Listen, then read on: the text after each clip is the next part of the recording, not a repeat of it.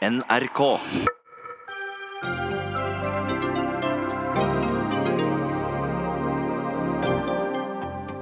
Russisk rulett med oljesektoren i Barentshavet, ifølge Naturvernforbundet. Ny rapport fra Riksrevisjonen kritiserer myndighetene for manglende miljøhensyn. Norsk asylpolitikk bygger på myter om at horder vil komme hit til landet hvis asylsøkerne har det godt, ifølge NOAS. Det omstridte gruveselskapet Nussir vil bli et miljøfyrtårn i gruvesektoren og helelektrifisere virksomheten i Finnmark. En gris med leppestift er fortsatt en gris, mener Natur og Ungdom. Og leder av SVs inkluderingsutvalg vil forby rasistiske organisasjoner. Det lar seg neppe gjøre, mener menneskerettighetsadvokat.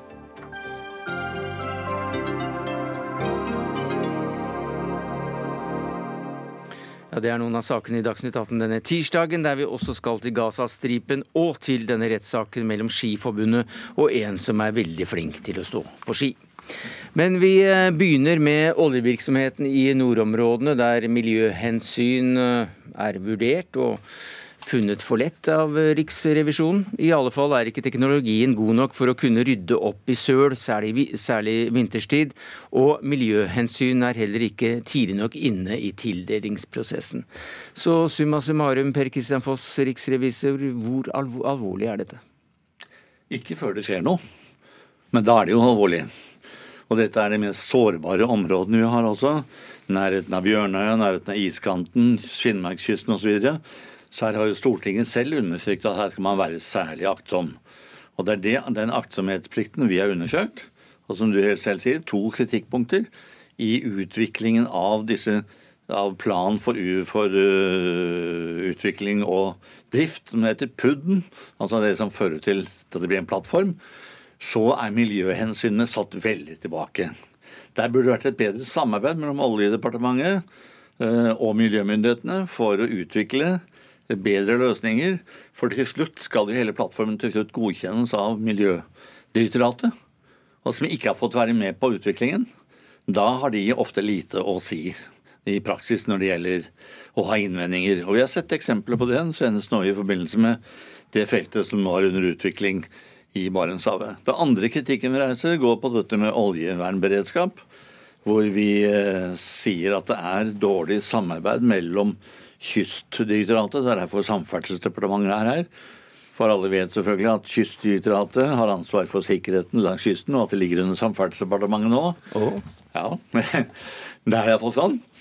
Uh, og uh, vi konstaterer at det er lite grad av øvelser og det er lite grad av usikkerhetsrapporter og, som er uh, laget, som viser altså, de forhold som kan inntreffe.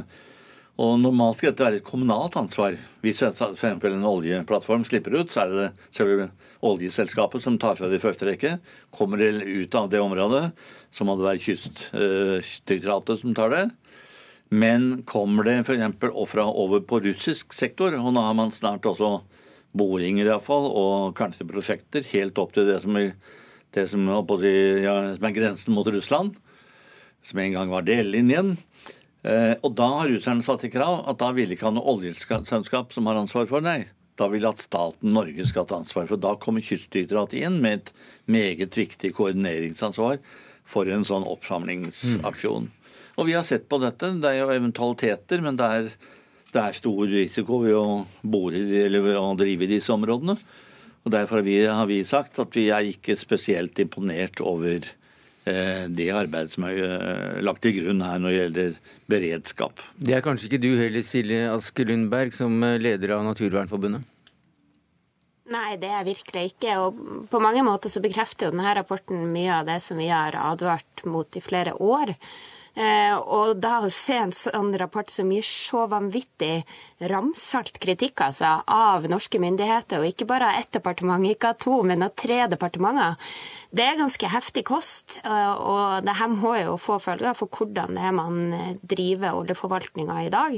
For det er helt klart ikke tilfredsstillende. Ja, Hva i dette er mest sjokkerende? For dere sier selv at dette var overraskende.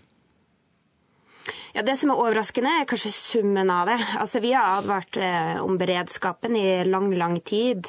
Um, og Der så man jo også da forvaltningsplanen for Barentshavet og Lofoten i sin tid ble laga, og det faglige grunnlaget der, så la man til grunn et vanvittig sånn teoretisk potensial på beredskap.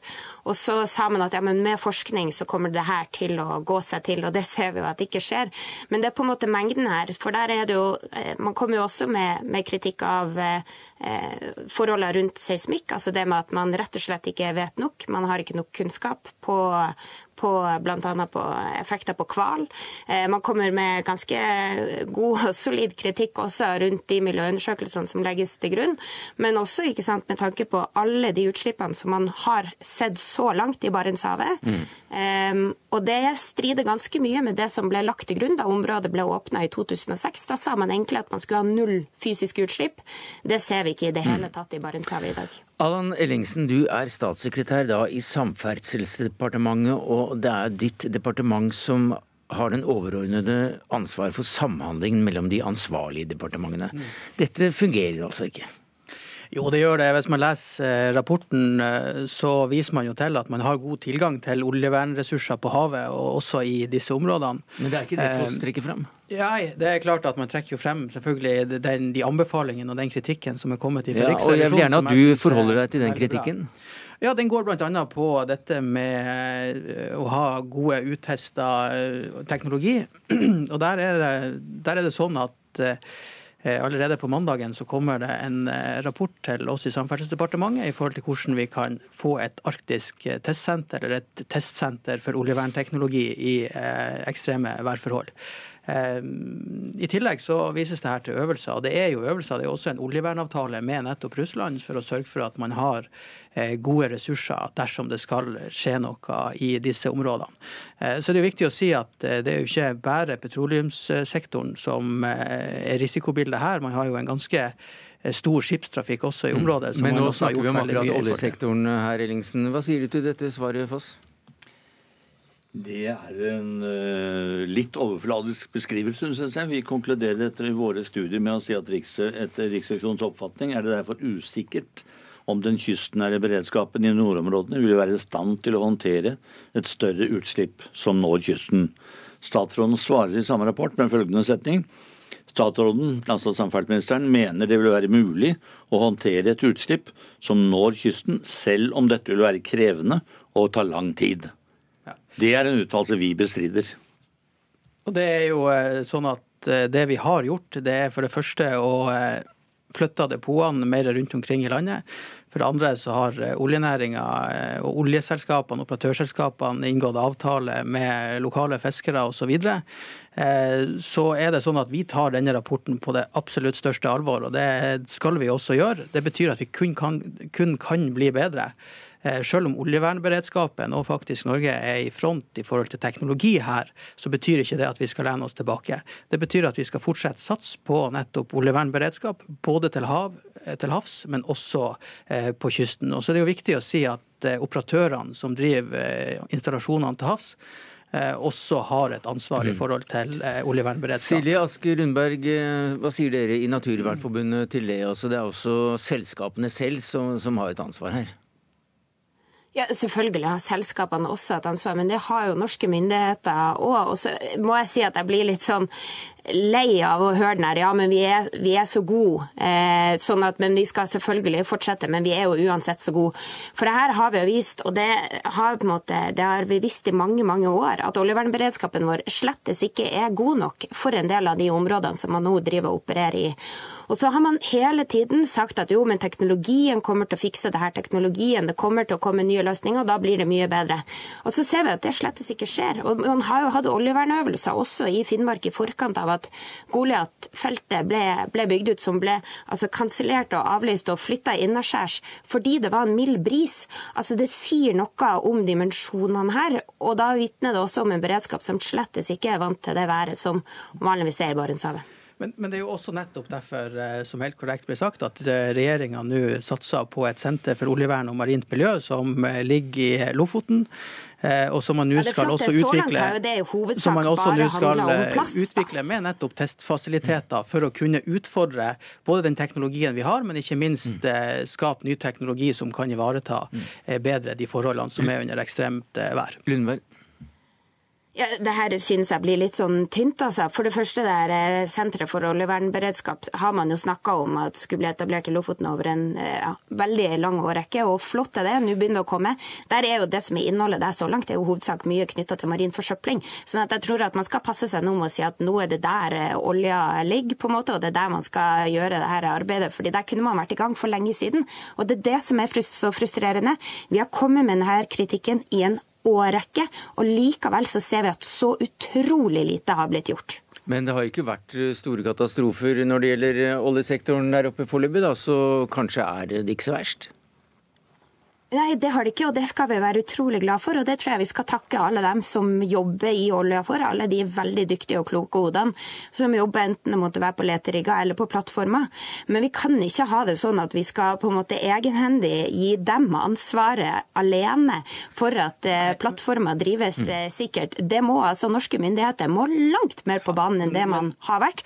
Og her har man jo også tidligere, bare for knappe to måneder siden, så fikk man jo en annen rapport fra Riksrevisjonen som var ganske heftig kritikk av Petroleumstilsynet, og hvordan man fulgte opp den første oljeplattformen. Men det er, det er en annen skål, Lundberg. Eh, jeg vil litt tilbake til noe av kritikken, nemlig at eh, samhandlingen ikke er god nok mellom departementene. Og det er i det hele tatt mange som sikkert er litt forbauset over at det er Samferdselsdepartementet som sitter i en nøkkelposisjon her, men slik er det. Eh, og kritikken går også på at Miljøverndepartementet ikke er tidlig nok inne i beslutningsprosessen. Hva har dere tenkt å gjøre med det som Samferdselsdepartement? Nei, altså vi kommer til å... Ordne køordningen?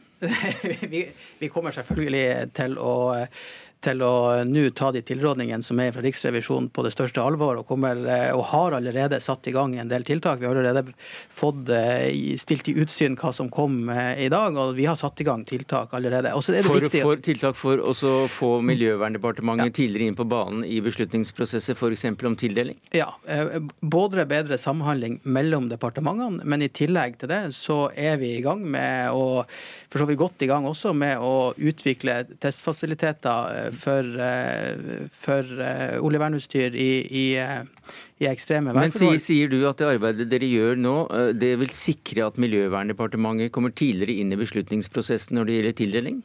Alle de tre departementene som har fått omtale i denne rapporten, har jo den største interesse av å få disse disse anbefalingene. Også tildeling av, av nye oljefelt? I beslutningsprosessen der, så skal Miljøverndepartementet tidligere inn. Det, det, er det arbeidet dere er i gang med å gjøre nå? Ja, det må jo uh, Oljeverndepartementet uh, Nei, det må jo Miljødepartementet sjøl svare for. Men, nei, men vi, det er dere som samme, samordner ja, dette? Vi, vi samordner dette, og vi har god kontakt med alle de berørte mm. departementene her, og tar tilrådningen på det største alvor. Og så er det viktig å si at oljevernberedskapen i Norge mm er veldig god. Vi blir brukt internasjonalt og har også avtaler internasjonalt. sånn at dersom det skulle skje det som vi ikke ønsker skal skje, så er vi ganske godt forberedt, mm. men vi kan bli bedre. Veldig kort for oss. Ja, jeg er veldig glad for de svarene. Og også svaret fra klima- og miljøministeren. Positive. Men det gjenstår å se om de er tunge nok til å lene seg mot Olje- og energidepartementet, mm. der penga ligger, der inntektene ligger, og der de sterke ressursene er for jeg har sett at denne, denne mangel på balanse den har vært der i mange år. Takk skal du ha, Per Kristian Foss, riksrevisor. Takk til deg, Allan Ellingsen, statssekretær i Samferdselsdepartementet. Og til Silje Ask Lundberg, leder i Naturvernforbundet.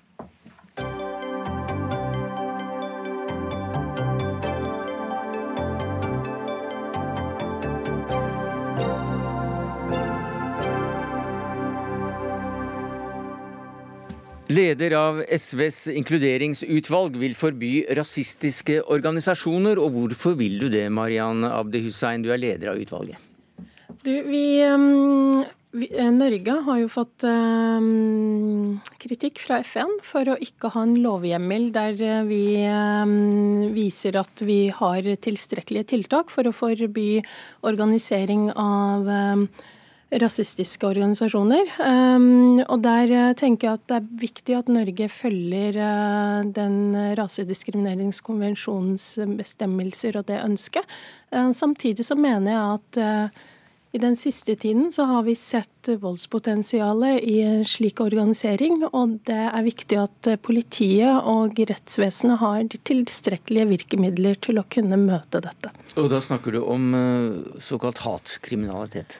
Jeg snakker om organisert hatkriminalitet, eh, hvor eh, du har eh, per i dag grupper som den nordiske motstandsbevegelsen, som organiserer seg og har flaggborg i ulike torg rundt omkring i landet, der de fremstår svært truende for våre medborgere. Anine Kierulf, du er eh, menneskerettsjurist og du er fagdirektør ved Norges nasjonale institusjon for menneskerettigheter. Hva sier du til dette forslaget? Det er eh, veldig forståelig at man ønsker å komme dette til livs. Det er jo veldig alvorlige eh, ting det er snakk om. Det, det, som er en utfordring her, er når man tenker på straffebud, så er det jo liksom, noen krav som burde oppfylles. Det ene er vil det virke? Vil det faktisk eh, komme denne type rasisme og hatkriminalitet til livs. Eh, og det andre er trår det noen andre hensyn for nære. Eh, og dette spørsmålet om å forby rasistiske organisasjoner, det har vært vurdert mange ganger. Det er faktisk ute på høring nå. Det, høringsfristen var i høst, så det har vært et forslag om hvordan man skal håndtere dette spørsmålet. og der er det flere tunge høringsinstanser eh, som eh, går mot eh, denne type forbud, i likhet med de utredningene som har vært tidligere. Og Det skyldes ikke at man ikke ønsker å komme dette til livs. Hatkriminalitet er straffbart. Hatefulle ytringer er straffbart og forfølges i økende grad men at det er vanskelig å se for seg hvordan man skal komme dette til livs gjennom et forbud mot organisasjoner. Både står det i et spenningsforhold til organisasjonsfrihet og kanskje ytringsfrihet.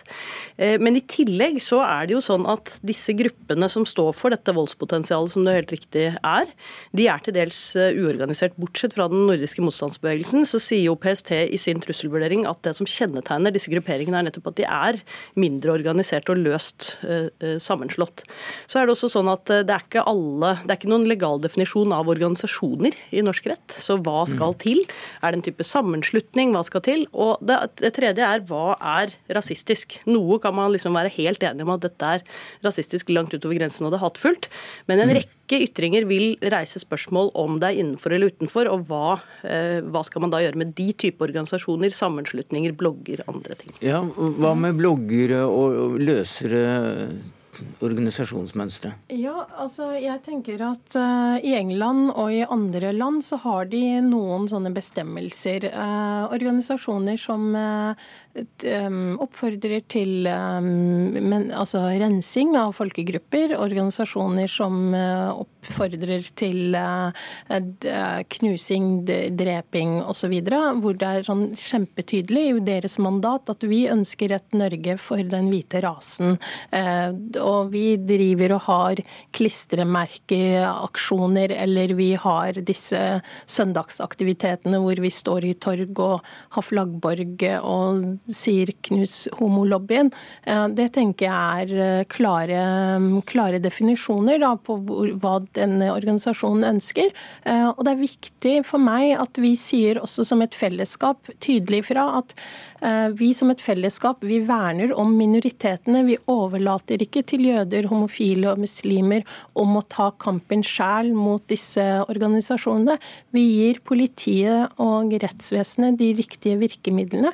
For i et demokratisk samfunn så skal alle kunne delta på lik linje. Men når vi ser flere og flere rapporter viser at minoriteter og kvinner hetses ut av samfunnsdebatten, de tør ikke å delta, så må vi spørre oss om et samfunn har vi gjort tilstrekkelig. Fordi eh, per dags dato så har vi fortsatt ikke klart å møte eh, hatet fra 22.07 godt nok. Vi har åpnet for mer eh, åpenhet, men det viser jo at disse trollene ikke sprekker i sola. og Da må vi foreta oss noen nye grep. Mm, og Da kan jo da være et forbud bli et resultat? Ja, dette mener jeg er svært god argumentasjon, og, og, eh, vi har alle et ansvar for å ta til motmæle mot dette. og Dette er nettopp ikke noe som skal overlates til de minoritetene som utsettes for det. og Derfor har vi forbud mot hatefull ytring. Vi har også noen forbud mot den type forbund som du nevner, altså type, sånn som driver med etnisk rensing eller har det til formål. Eh, men det er verdt å merke seg her at uh, verken PST eller Riksadvokaten går inn for et sånn type forbud mot rasistiske organisasjoner.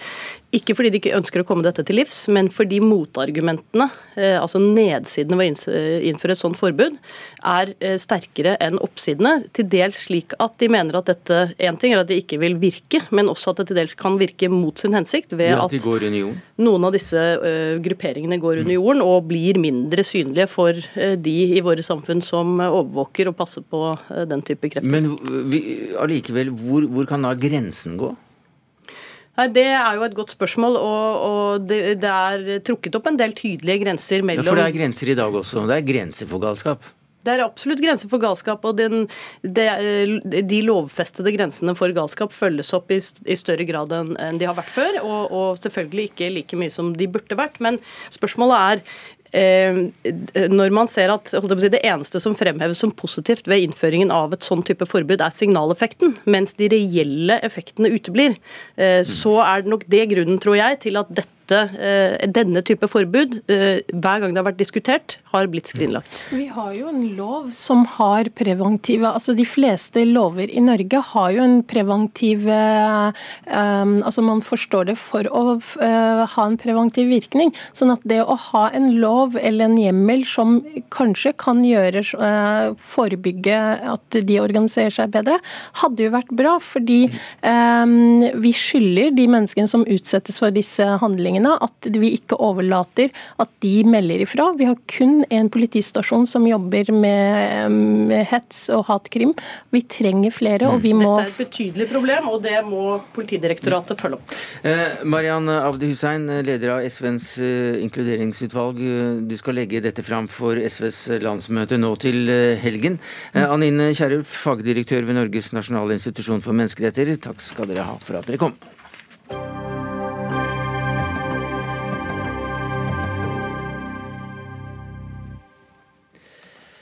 Den eh, raketten som gikk fra Gaza-stripen, traff eh, et hus med syv personer nord for Tel Aviv.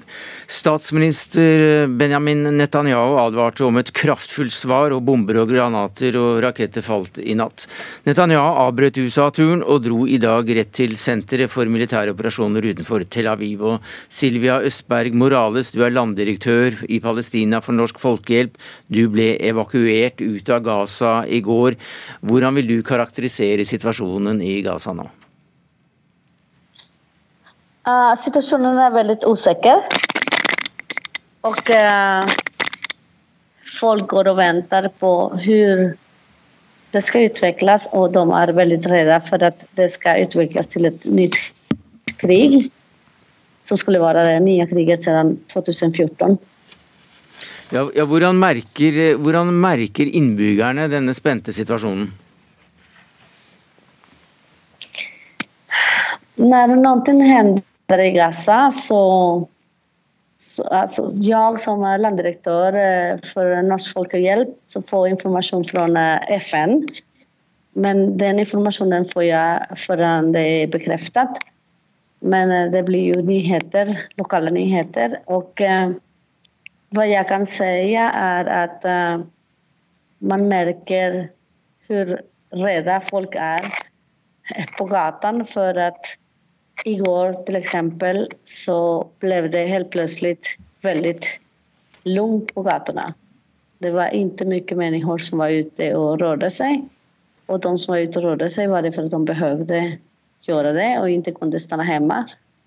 Uh, men uh, så fungerer det.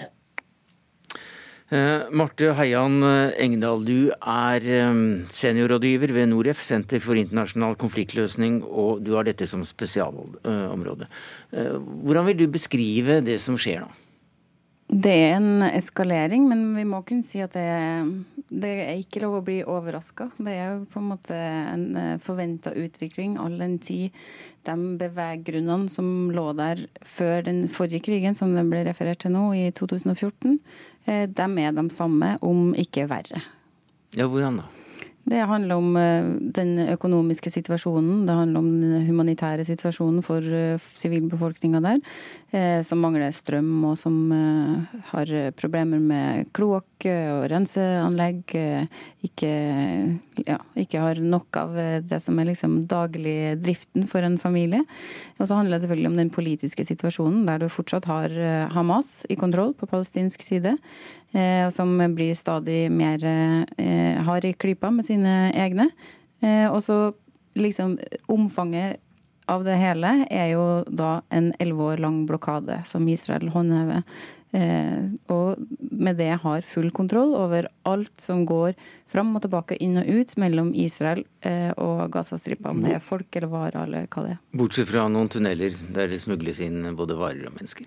Ja, De tunnelene er åpenbart et uh, kjempeproblem for Israel. Nå tror jeg at Israel har god oversikt over tunnelene som går fra Gaza inn til Israel. Man har gravd Nå står det en mur på, oppå jorda, så ligger det en mur under jorda for å hindre nettopp det. Og så har det også vært en rekke tunneler ut mot Egypt, og der er det nok flesteparten av materiellet som har kommet i Hamas' hender, som er av våpenmateriell nå, Eh, har kommet den veien. Og det betyr også at eh, Hamas sitter på et større arsenal nå enn det de gjorde i 2014, etter rapportene. Men du nevnte at eh, Hamas er blitt hardere i klypa mot sine egne. Vet vi noe om den støtten Hamas har i egen befolkning? Nei, det har jo ikke Det er jo ikke vært noe valg der siden de vant. Men det vi vet, er at det er interne maktkamper i Hamas, og det er et, en, en skal vi si, en maktkamp mellom dem og palestinsk eh, islamsk jihad, og så andre yt, enda mer ytterliggående grupper. Eh, og vi vet at de eh, slår hardt ned på meningsmotstand internt på Gazastripa, og at de selvfølgelig er Eh, i en tilspissa konflikt da, med Israel. Mm. Det er altså en maktkamp også innad eh, mellom palestinere, hører vi. Det er også en maktkamp eh, i Jerusalem om hvem som skal bli landets neste statsminister. Anders Magnus, du er USA-korrespondent, og den israelske statsministeren traff Trump rett før han dro tilbake til Israel. Og de to hadde snakket om Gaza. Vet vi hva de hadde sagt? Ja, De snakket eh, om Gaza ganske kort. og eh, Trump sa jo at eh, denne, dette angrepet fra Hamas på Israel, det var jo de som startet den siste runden, det er et typisk eksempel på at på de sikkerhetsutfordringer som Israel lever med hele tiden. Men de snakket jo mest om Golanhøydene, hvor USA nå har anerkjent at de er okkupert hvordan beskrives Ja, bare fortsett du, Magnus. Hører du meg nå? Ja, jeg hører deg. Bare fortsett. Ja, De snakket de snakket mye om Golanhøydene, hvor eh, USA nå nettopp har gitt støtte til at eh, Israel annekterer Golanhøydene. Og, men det som er spesielt her, er jo at dette, denne pressekonferansen i det ovale rommet i Det hvite hus, den overskygget jo på mange måter Eh, Benny Gantz, som er opposisjonsleder i Israel nå, sin tale også i USA. Han talte til eh, den amerikansk-israelske foreningen, som har et stort møte der, eh, møte nå, og der skulle egentlig Netanyahu også vært. Han talte til dem via satellittoverføring, men, men det viser at denne valgkampen i Israel den går rett inn i USA nå. Det er også en valgkamp eh, i eh, Israel, eh, Marte Heian Engdahl. Og der møter Netanyahu en av de skarpeste motstanderne har hatt på, på, på mange valg. Hva slags kamp er dette nå?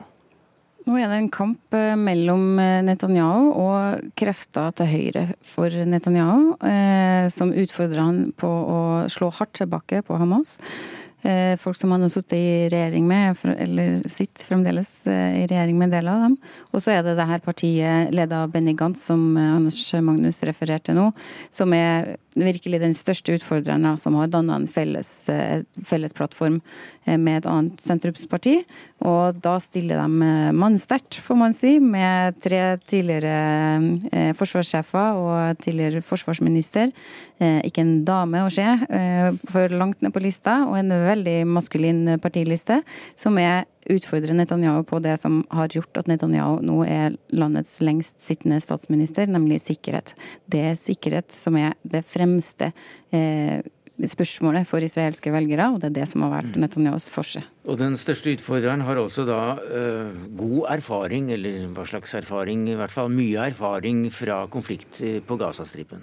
Han har det. Han har leda jo det israelske forsvaret under forrige Gaza-krig, eh, og har eh, brukt det aktivt i sin kampanje allerede.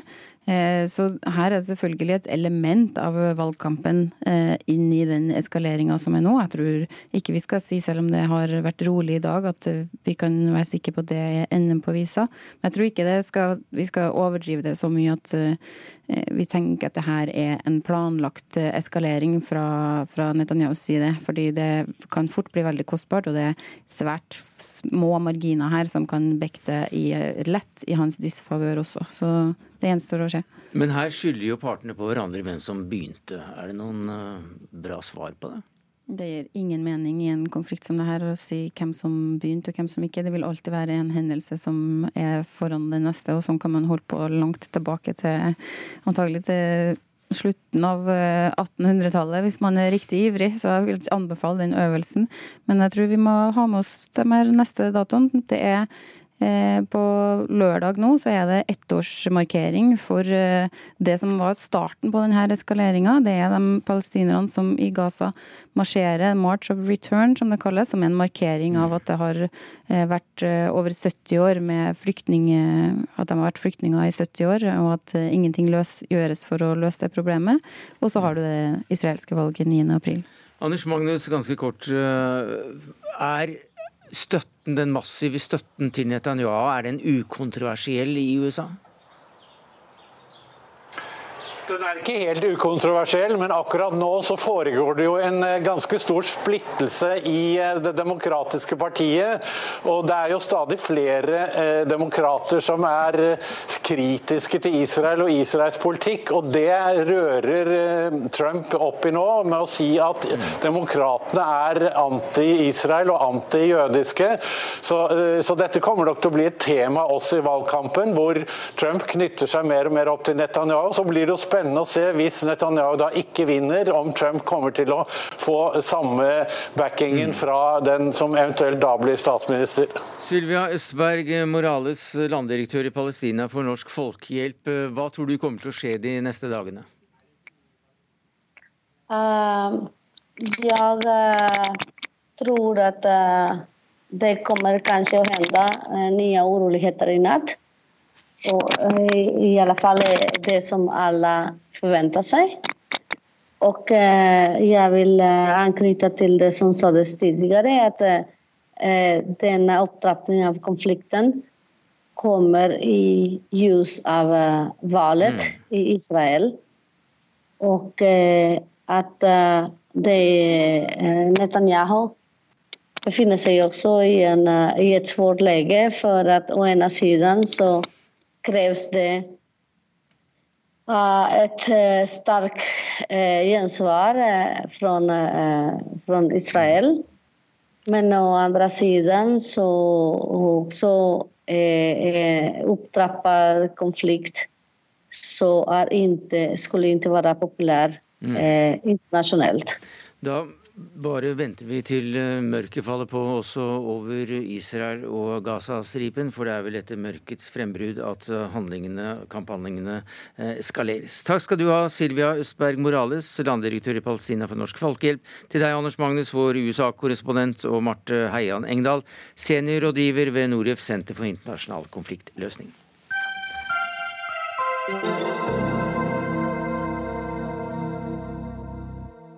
Så til gruveselskapet Nussir, som kanskje noen husker fra nyhetene for noen uker siden. De som skal utvinne kopper i Finnmark. Og både selskapet og regjeringen fikk jo en del kritikk for både å tillate gruvedrift i et sårbart reindriftsområde, og for å dumpe slagg i et sjødeponi i Repparfjorden. Men i Dagens Næringsliv påstår dere i Nussir-ledelsen at dere vil bli et miljøfyrtårn innen gruvedrift og helelektrifisere driften. Og dette må du fortelle mer om. Øystein Rusfeldt, du er administrerende direktør i Nussir ASA. Ja, det er jo sånn at eh, Vi har hatt lyst til å elektrifisere i eh, mange år, men teknologien har ikke vært eh, moden nok før de siste to-tre månedene. Så etter en god samtale med Enova i Trondheim, så har vi kommet fram til at vi nå skal søke Enova om hjelp til å være først ute i verden med null utslipp av klimagasser fra ja, hvordan, hvordan kan det skje? Det betyr at alle maskiner må over på el, og da med, i hovedsak med batteridrift. Og det betyr at det skal være enormt store batterier på veldig store dumpere. Og vi snakker om batterier på flere tonn til flere millioner per batteri. Eh, dette her eh, overbeviser ikke eh, deg, leder i Natur og Ungdom, Gaute Eitejord. Men dette med miljøfyrtårn innen gruvedrift, det høres jo fint ut, da? Det høres fint ut, det. Og null utslipp til luft av klimagasser, det må vi øve på. Men samtidig så vil jo dette prosjektet ha et stort utslipp av eh, gruveavfall i fjorden, i Repparfjord. Som Havforskningsinstituttet har advart veldig hardt eh, mot, fordi det vil skade livet i fjorden. Og I tillegg så vil gruveprosjektet fremdeles ødelegge viktige reinbeiteområder. Så her tenker jeg at dette blir ikke noe miljøfyrtårn så lenge det har så store skader for livet i fjorden og for reindrifta. Jo, men akkurat det med å elektrifisere driften i seg selv, det er vel også noe som Natur og Ungdom da kan applaudere? Isolert sett er det et bra tiltak, men hele prosjektet er fremdeles et eh, altså en skikkelig sånn miljøverstingprosjekt. For Norge er ett av fem land i hele verden som fremdeles har gruver som dumper avfall i sjøen. Og I Repparfjord har det blitt dumpa avfall i fjorden før. Det gikk hardt utover fiskebestanden den gang, og nå er vi i ferd med å gjøre samme feil om igjen. Så det syns jeg eh, regjeringen er nødt til å snu på. Det er jo sånn at uh, Vi skal drive underskrift, vi skal drive fra et eksisterende industriområde og vi skal ha sjødeponi. og Det betyr at reindrifta uh, skånes så mye som det er mulig. og I tillegg så er da konsesjonen som vi fikk, uh, gir da begrensninger på drift i kalvingstid og i beitetid for øvrig.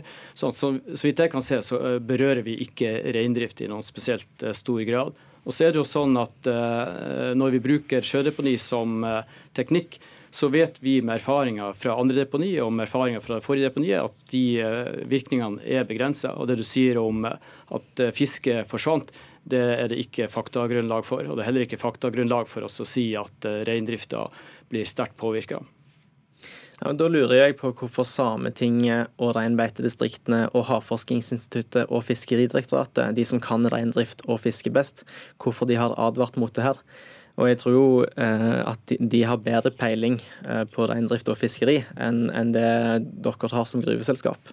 Ja, Nå er det jo eh, gjort ganske betydelige utredningsarbeider som er grunnlaget for at tillatelsene er gitt. Og De prosessene som ligger bak, er jo da styrt av plan- og bygningsloven og av andre lovverk. og Vi har fulgt spillereglene og vi har fått tillatelser etter veldig lange og grundige prosesser. Og det er jo ikke noe alternativ eh, per dag til eh, å kjøre andre prosesser enn de vi har kjørt for å få tillatelser. Så, så, vi har fulgt spillereglene og vi har fått tillatelser. Og vi hadde ikke fått de tillatelsene hvis eh, prosjektet hadde vært dårlig, eller hvis det hadde vært riktig det som hevdes eh, av eh, påstander. Ja, det som jo er I hele denne prosessen så har jo de miljøfaglige rådene blitt ignorert. Dere har ikke lytta til Havforskningsinstituttet, og det har heller ikke regjeringen gjort. Dere har ikke lytta til Sametinget. Og eh, flere av de reindriftsutøverne som driver dette området, de sier nå at hvis regjeringen ikke snur og avviser mm. reindriftskonsesjonen, så vil de kanskje måtte gå til søksmål for å ivareta sin rettighet til å drive med reindrift. Men, men, regjeringen er jo ikke her, sånn at vi får snakke oss mm. uh, ferdig med, med, sjefen for gruveselskapet her. Og, og, det som da kan være et spørsmål, er selvfølgelig om ikke dette er en slags avlat, det å gå inn for å elektrifisere, for å sukre pillen til, til alle de miljøødeleggelsene dere kommer til å begå, ifølge Natur og Ungdom. Ja, det er jo sånn at uh all gruvedrift og all industri har påvirkning på miljøet, så det skal man ikke underslå. Det er viktig også å si. Og så er det sånn at det prosjektet vi har, vi gjør det ytterste vi kan på alle områder, enten det er klimagassutslipp, eller om det er utslipp av metaller, eller om det er bruk av areal til deponi.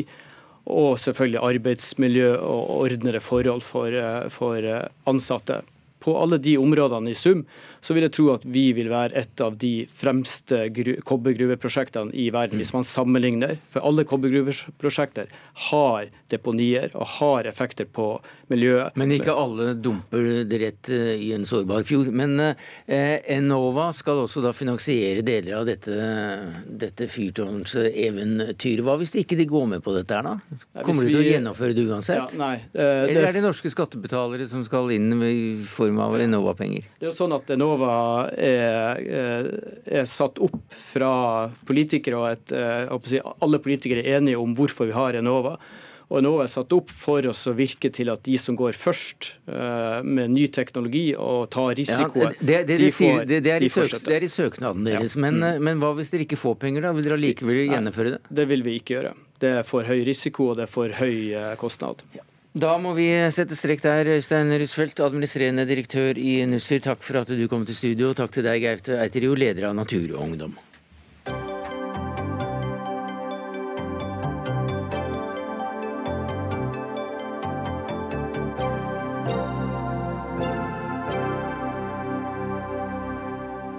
I Oslo tingrett har det gått en svært spesiell sak eh, nå i seks dager, er det vel. Eh, for tilbake i 2016 så saksøkte alpinisten Henrik Kristoffersen Norges Skiforbund fordi han ikke fikk kjøre med sponsoren Red Bulls merke på skihjelmen. Og det da med alt det innebærer av tap av goder og støttefunksjoner som privatflytransport og helikopterfrakt opp bakken og bedre hoteller. I dag ble rettssaken altså avsluttet, og Leif Welhaven, du har fulgt saken tett som sportskommentator i VG. Hva er det dette egentlig dreier seg om, slik du ser det? Jeg tror vi må vektlegge to aspekter. Du har det rent rettslige aspektet, som også handler om at Christoffersen har gått til sak for å få lov til å inngå en individuell sponsoravtale med Red Bull, hvor altså det rettslige grunnlaget er hvorvidt uh, Skiforbundets modell og håndhevelse av dem kan være altså, i strid med europeiske rettsregler. Hvor det altså de siste dagene særlig er blitt problematisert hvorvidt Skiforbundet på en utilbørlig måte har utnyttet en dominerende markedsmakt. Mm. Er. Det er jussen. Kanskje er den men I tillegg så dukker det altså opp en rekke prinsipielt interessante temaer i det overordnede bildet, som handler veldig mye om kontroll og maktforhold mellom eh, utøvere og idrettsledelse, hvor det er et litt overordnet spørsmål hvem skal eh, få bestemme hva, og i hvilken grad skal en utøver som har valgt å drive en individuell idrettsgren, være pålagt rammer som er så til de grader definert av et uh, forbund som har valgt en veldig kollektiv modell. Mm. Og her altså Virkelighetsoppfatningene til de to partene i retten har vært himmelropende ulike, og følgelig altså debatten prinsipielt interessant. Eh, Jan Petter Saltvedt, du er journalist eh, og vaktsjef i NRK Sporten, men du har også skrevet en ytring om saken på nrk.no. Og der hevder du at eh, denne saken har også en tredje innfallsvinkel da, i forhold til de to som Welhaven dro opp her, nemlig hele det norske sosialdemokratiet utfordres i Oslo tinghus denne uka. Hvordan kan du si det?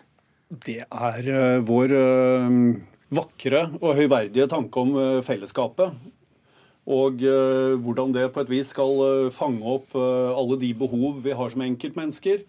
hvordan de sterkeste skal passe på de svake. I dette tilfellet dreier det seg om i hvilken grad enerens behov skal tilfredsstilles, kontra at eneren skal være nødt til å ta sine bidrag av det som i idrettsterminologi kalles bredden. I hvilken grad skal eh, Henrik Kristoffersen få lov å optimalisere sin jakt på å bli så god som mulig som alpinist, kontra Skiforbundets ønske om å faktisk eh, styre hvordan disse ressursene, som Henrik Kristoffersen mener han skal mer av, eh, i større grad skal gå til fellesskapet. Så dette her er nesten idrettspolitikk? Dette er, idrett, dette er definitivt idrettspolitikk. Og... Men Er de enige i at det er noe av dette som står på spill? Ja, altså det, Dette er absolutt av temaene, av temaene det gjelder. Og så avhenger denne debatten veldig om hvilket perspektiv du velger eh, å anlegge. For det er mulig å argumentere her fra veldig mange ulike retninger. Så jeg prøver å se på det med, altså fra Kristoffersens eh, perspektiv. Så har han valgt en idrettsgren som er dyr, og som i tidlige år er det altså familie som tar veldig mye av den økonomiske risikoen. På det, altså det gikk veldig kort tid fra han kom inn i systemet til han var, altså til han var veldig god. og da er spørsmålet så lenge forbundet sitter på utøverlisensen, og den eneste måten du kan fungere som toppalpinist er i dette systemet, så finnes det ingen alternativ karrierevei. Og hvis han skal få lisensen, så må han altså signere på en utøverkontrakt. Og i praksis innebærer det at han overfører altså markedsrettighetene sine mm. til forbundet. Og Da kan man lure på, sett fra Kristoffersen sin, hvor mange sponsorer det er som velger å sponse fordi de har så veldig sans for idrettsledere rundt omkring, eller om det sånn sett er, altså er, er stjernene som genererer sponsorinteressen. Og Da mener jeg veldig kort at det er veldig lett å være glad i samarbeidet mellom Jansrud og Lund Svindal, og det er jeg også for all del. Men det spørsmålet jeg stiller, er at i hvilken grad skal det faktisk være lov å være individualist når du har valgt en individuell idrettsgren istedenfor å spille fotball eller ishockey eller andre typer lagidretter? Og så er det jo grenseverdiene for denne individualismen. Uh, som jo kommer uh, til retten. Og det, altså det, sier jo litt om dedikasjonen til Henrik Kristoffersen, familien Kristoffersen, og hva de hele veien har stått for. For de har jo, som du har vært inne på, vært på utsida av systemet absolutt hele veien. Sier jo i rettssalen at de har ingen andre å takke enn klubben, familien og de trenerne som har vært rundt dem hele veien. Ikke dette fellesskapet som Skiforbundet på sin side sier de skal forvalte. Og så ender du i denne mm, rettssaken eh, rundt friheten til å kunne ha egne hjelmsponsorer, som norske alpinister hadde tidligere, som i øyeblikket er ivaretatt innenfor den skandinaviske modellen. Det er vel Norge, Sverige og Finland, hvor det fortsatt er begrensninger på dette.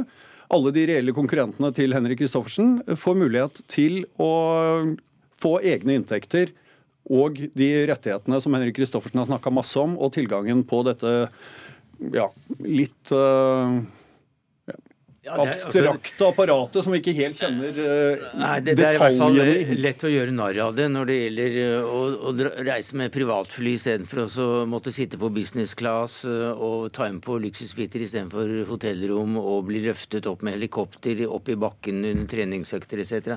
Virker, virker jo litt unorsk, kanskje? Samtidig så er altså alpint en, margin, en, en sport som handler om marginer. og Hvis han opplever at han konkurrerer med Marcel Hirscher, og de ligger og kniver der, og hans opplevelse er at eh, logistikken til enhver tid altså er tilrettelagt for Hischer på et annet uh, nivå på, en, altså på, på, et annet nivå enn det, enn det han selv har. Så kan det være ulike grunner til det. Så er det mulig, altså det er mulig til å argumentere i den, i, altså i den retningen. Og så er kanskje litt av problemet at denne diskusjonen av mange er framstilt litt sånn vel sjablongaktige. For kanskje det mest interessante her er om Skiforbundet kan opprettholde mye av modellen, men at de kanskje har dratt liksom, den diktatoriske delen av det litt for langt. Og vi ser også at de har jo havnet rundt andre grener, altså i konflikter også med en rekke andre utøvere som ønsker større grad av selvråderett over men, egen markedsverdi. Men la oss eh, drive litt eh, med sjablonger, da. Og, og, fordi at det er ganske gøy. Eh, for det, det er ganske unorsk, det, det vi nevnte opp med med privatfly og, og luksussuiter. Og... Det, det, er jo det, det gjør uh, veien uh, til forståelsen, i den grad Henrik Kristoffersen er opptatt av det, mye lenger. Uh, men dette er en verden vi som ikke driver med det her, ikke forstår. Kjetil André Aamodt snakker om det å vinne en ett hundredel per port. Begynn å regne på antall porter ned en slalåmløype, så skjønner du hva dette betyr. For Henrik Kristoffersen Eh, når han reiser fra Salzburg til sin treningsbakke, den foretrukne, i et sted som heter Reiteralm, så er han der med det norske landslaget fordi han er nødt til å være der. Han er nødt til å vente i kø mm. på fem andre hele tida mens han ser på sin hovedkonkurrent Marcel Hirscher litt lenger borte. Gjøre alt helt aleine mye oftere og kunne ha den timen mm. ekstra på sofaen som vi andre ikke bruker så effektivt. Tore Øvrebø, du er toppidrettssjef eh, i Norge. Ja. Eh, hvordan ser du på denne utviklingen? Utviklingen med helikopter. Så ja, altså kan... mer individuelle preferanse preferanser når det gjelder disse type idrettene? Det har det alltid vært individuelle preferanser. Eh, det som er eh, hva skal vi si, at vi jobber med fellesskapsløsninger ikke fordi at det er ideologisk eller av den typen ting. Det er fordi at det gir flere medaljer for kongeriket Norge til slutt. Du hører jo det at uh, han, han, vil jo, han, vil jo, inn her for å gjøre seg enda bedre. Ja. Men du ser jo at det går jo veldig bra med den fellesskapsmodellen i veldig mange grener. Sant? Det har jo vært et fantastisk eh, idrettsvinter for Norge. Vi er beste nasjon i Åre, som er alpint. Vi er beste nasjon i Østersund, som er skiskyting. Vi er beste nasjon i Seefeld, som er de nordiske grener. Så videre. Det går veldig bra. Og der er det fellesskapsmodellen som er den bærende modellen for hvordan vi skal utvikle prestasjoner. Så vi regner fellesskap, som også er en av norske idrettsverdier, som en prestasjonsfordel. Og så kommer det at dette er jo ikke dilemmaløst. Altså Det er jo individuelle behov.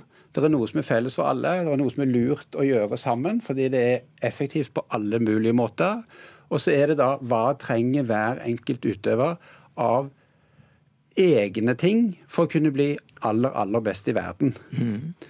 Og det er jo et dilemma som må løses innenfor denne fellesskapsmodellen, sånn som vi ser det, ved å rett og slett ta hver enkelt utøvers behov ordentlig på alvor og finne løsninger. Samtidig som vi bevarer rammen for fellesskapet. For vi ønsker ikke én god utøver i de forskjellige idrettene.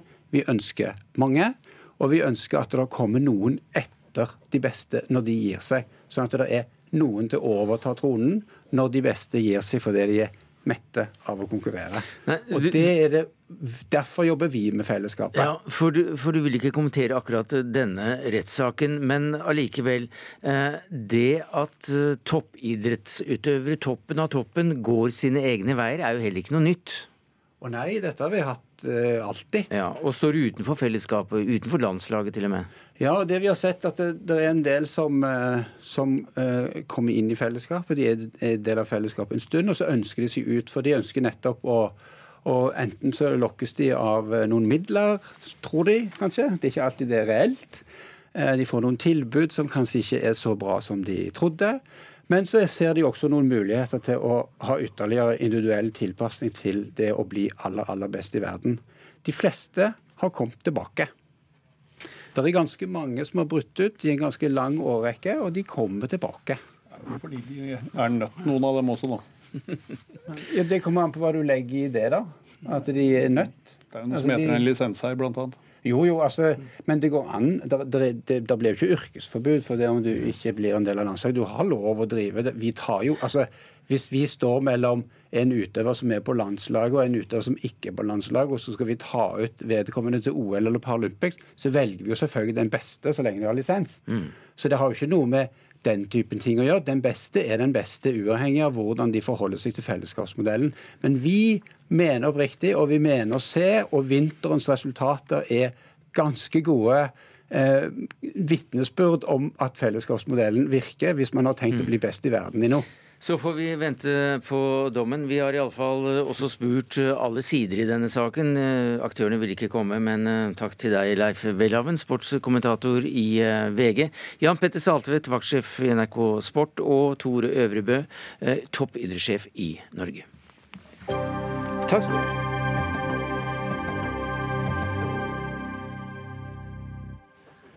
Regjeringens asylpolitikk hindrer folk i å klare seg selv og hemmer integreringen. Ja, Det mener NOAS, Norsk organisasjon for asylsøkere, i en ny statusrapport om eh, rikets tilstand. Og Ann Margrit Austenå, du er generalsekretær i NOAS. og Hvordan hindres asylsøkere i å klare seg selv? Jo, det er en rekke tiltak eh, i serien eh, Symbolpolitikk for å gjøre Norge minst mulig attraktivt. Det er eh, opphør av beskyttelse for en gruppe som er kanskje den gruppen som har størst problemer i utgangspunktet på arbeidsmarkedet, nemlig somaliere kom en instruks fra regjeringen for snart tre år siden. Eh, dårlig juridisk utredet, eh, uklart hva som skal skje. En liten håndfull har fått eh, vedtak om opphør. Ingen er utsendt så langt. Men mange hundre er satt i en usikker situasjon og en periode som mistet de rett til både jobb og utdanning og barnehage og, og det som var. for å sende signaler ut. Og dermed så, så hindrer man folk å klare seg selv, Marie Holm Lønseth. Du er stortingsrepresentant og medlem av kommunalkomiteen for Høyre. De, mange av de forslagene som NOAS har tatt opp i sin rapport, er ikke symbolforslag.